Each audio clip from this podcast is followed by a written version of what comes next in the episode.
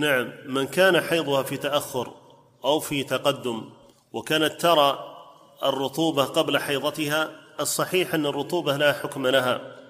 الرطوبة لا حكم لها. وأهل العلم قد اختلفوا في الرطوبات وفي الإفرازات التي تخرج من المرأة. والشيخ ابن عثيمين آه، يعني ذكره ضمن الرسالة لكن ما أحببت أني أدخل فيه حتى ما ندخل في مسائل أخرى لكن بما أنه ذكر في السؤال رطوبات خارج المرأة والإفرازات التي تخرج من المرأة الصحيح أنها لا لا حكم لها ولا توجب وضوءا ولا توجب غسلا على الصحيح. لكن آه، يقول آه، ثم ترى الدم وكذلك ينقطع بعد يومين من مع وجود الكدرة.